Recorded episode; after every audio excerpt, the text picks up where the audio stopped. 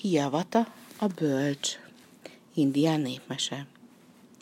Az indiánok földjének szívében, egy végtelen erdő közepén hatalmas tó terült el, amelyhez úgy jártak az emberek, mintha piac tére mennének.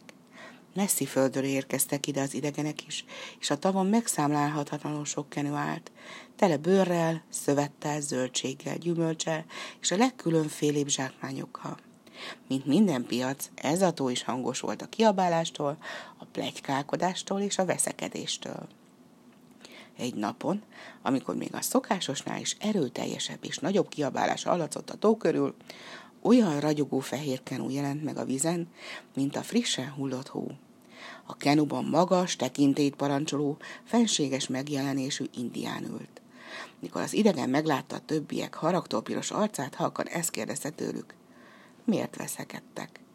Miután az emberek magukhoz tértek a csodálkozásból, melyet az idegen különös megjelenése fölött éreztek, sorolni kezdték az indokaikat.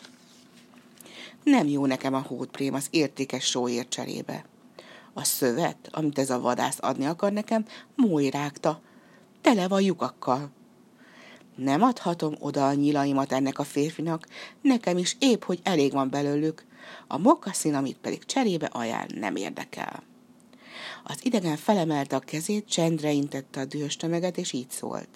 Hagyjátok abba a hangoskodást, nem vagytok sem vénasszonyok, sem kofák. Inkább hallgassatok meg, hiszen azért jöttem, hogy segítsek. Nagy csönd lett, és a fenséges tekintetű indián így folytatta mondókáját. Vigyétek ki a kenúitokat a partra, és húzzátok ki őket a szárazföldre, mindegyiket, az enyémet is.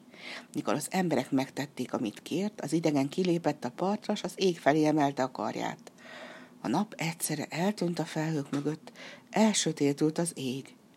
De nem, mégsem a felhőktől lett sötét, ezer, meg ezer vadkacsa, egész madársereg szállt le a tóra, a kacsák inni kezdtek, aztán, mikor csillapították szomjukat, felröppentek, de a helyükre rögvest újabb kacsák jöttek megszámlálhatatlanul sokan voltak, mint a homokszem a sivatagban. Egy szempillantás alatt kiitták a tóvizét. Egyetlen csepp víz sem maradt a mederben. Akkor az utolsó sereg kacsa is felröppent az égbe, és eltűnt a szemhatáron. Hiavata vagyok, mondta az idegen a többi indiánnak. Pénzérméket hoztam nektek, amiknek segítségével úgy adhatjátok majd az áruitokat, hogy mindenki elégedett lesz. Nézzétek!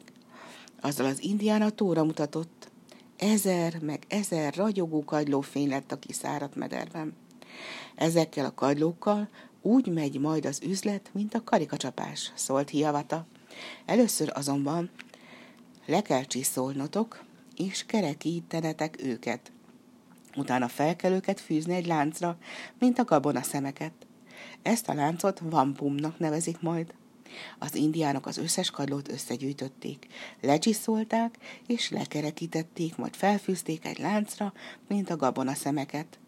Mindenkinek megvolt a maga vampumja, kezdődhetett az alkú.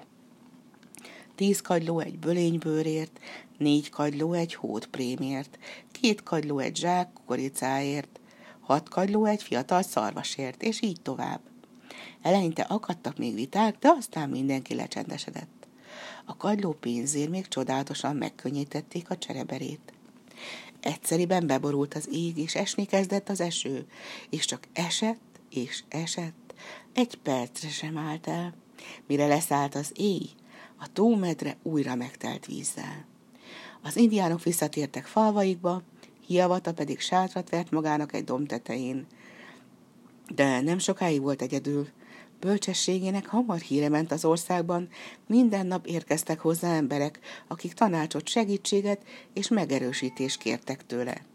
Hiavata sok mindent megtanított az indiánoknak, többek között azt is, hogy alkossanak egységet, ne háborúzzanak egymással, és szeressék a békét. Hiavata hosszú éveken át élt az indiánokkal a domb tetején. Egy nap aztán magához hívta a kenuját, a hófehér hajó levegőben repülve jött oda hozzá, az evezők mozdulatlanul feküdtek a mélyén. Hiavata akkor beszállt a kenúba és eltűnt. Az indiánok azonban örökre emlékezetükbe vésték, mennyi mindent köszönhetnek a bölcs hiavatának. A különös indián legendája apáról fiúra, nagyapáról unokára száll. Történeteit a nagy prédiken gyújtott tűz körül mesélik egymásnak az emberek.